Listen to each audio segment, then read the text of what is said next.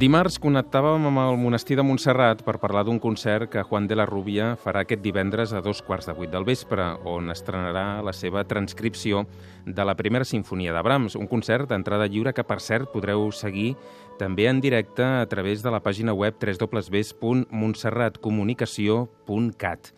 Avui tornem a connectar amb Montserrat per saludar el Llorenç Castelló, que és el nou director de l'Escolania. Llorenç, bona tarda, com estàs? Molt bona tarda, molt bé.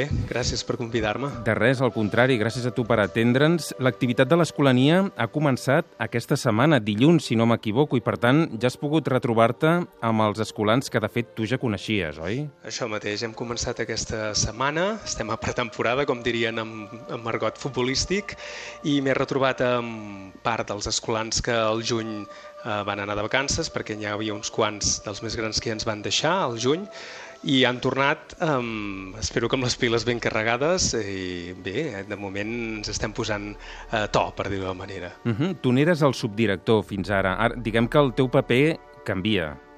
Exacte, sí.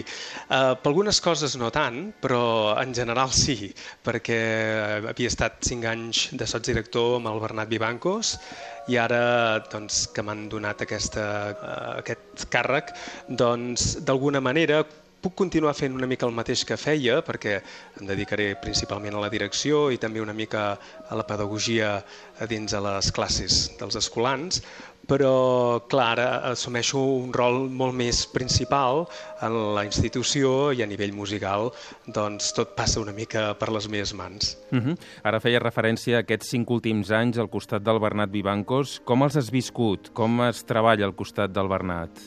Doncs eh, ha estat un aprenentatge també per mi.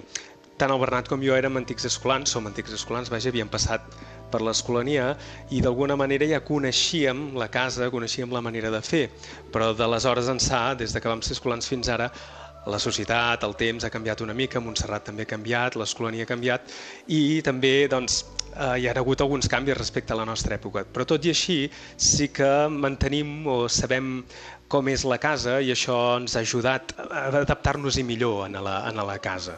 Com són els primers dies de curs per una escola? Què feu? Em parlaves de pretemporada. Com Exacte. escalfeu motors? Mira, eh, principalment el que en diem l'activitat d'ensenyament generals, el que seria l'escola en general i l'escola conservatori, és a dir, els llenguatges musicals, els instruments, això s'espera fins a la segona setmana de setembre, però el que fa l'activitat de cor sí que ja comencem plenament. És a dir, el, el curs sí que comença a nivell de cor des del primer dia, perquè penseu que l'escolania canta des del primer dia que arriben els escolans després de vacances, i ja canta, i ja canta les dues principals eh, pregàries del dia, que són la salve i les vespres, i per tant ens hem de posar a to molt ràpidament.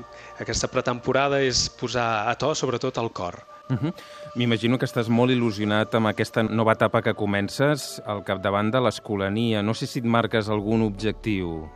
D'il·lusió moltíssima, il·lusió i content, perquè per una banda doncs, mostra una mica la confiança que posen en tu i per altra, doncs, tu com a músic també et sents més realitzat, no? poder eh, oferir la música que tu sents, que tu, que tu desitges fer compartir amb la de més gent. Fites, eh, mira, fites sempre n'hi ha moltes. Eh, jo una de, que en diria que pot ser molt senzilla, però és que l'escolania segueixi sonant amb el so que, que es coneix a tot arreu, no? per a Catalunya i arreu, arreu del món. No? És el so que en diem el color de les veus dels escolans. Això sí que m'agradaria continuar-ho, que, fos, eh, que fos realment així.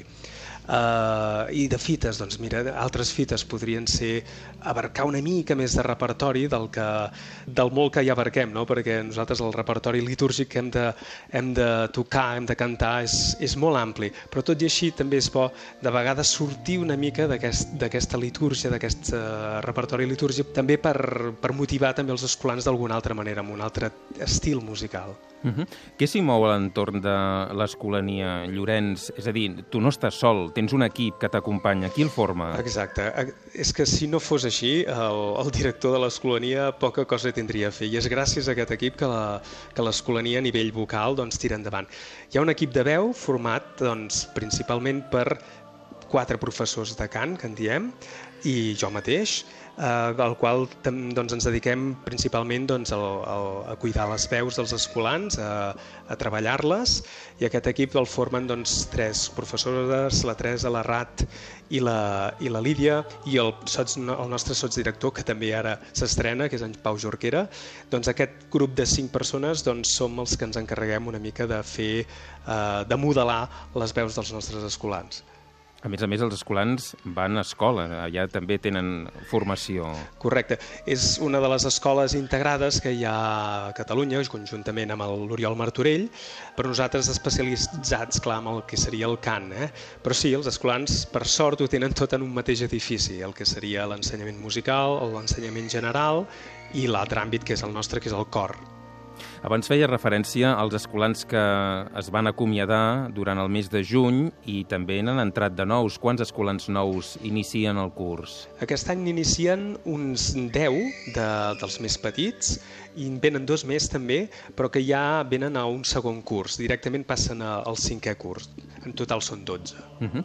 Com es presenta, ara parlaves del curs, com es presenta aquest curs, el primer mm, teu, el primer de Llorenç Castelló com a director de l'Escolania? Quins concerts, quins enregistraments teniu previstos? Uh, aquest curs uh, tenim previst, normalment, a l'Escolania té tres produccions durant l'any, la que en diem de tardor, la d'hivern i la de primavera, eh, a part, lògicament, de, de tot el que és la litúrgia de, de durant l'any. Eh?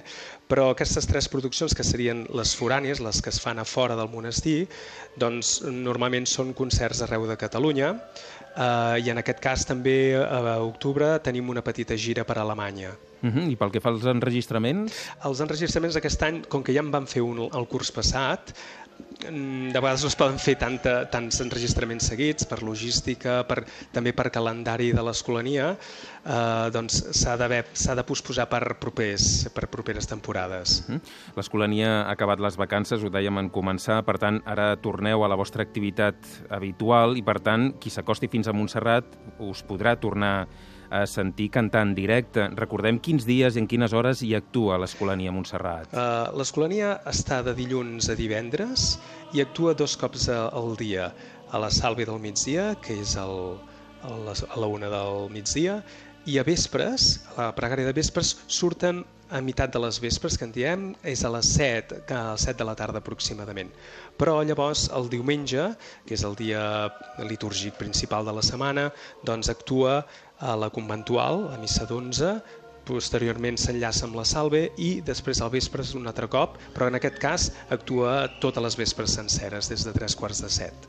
Llorenç Castelló, director de l'Escolania de Montserrat, moltíssimes gràcies per dedicar-nos a aquesta estona. Moltes felicitats i que vagi molt bé. Moltes gràcies a vosaltres.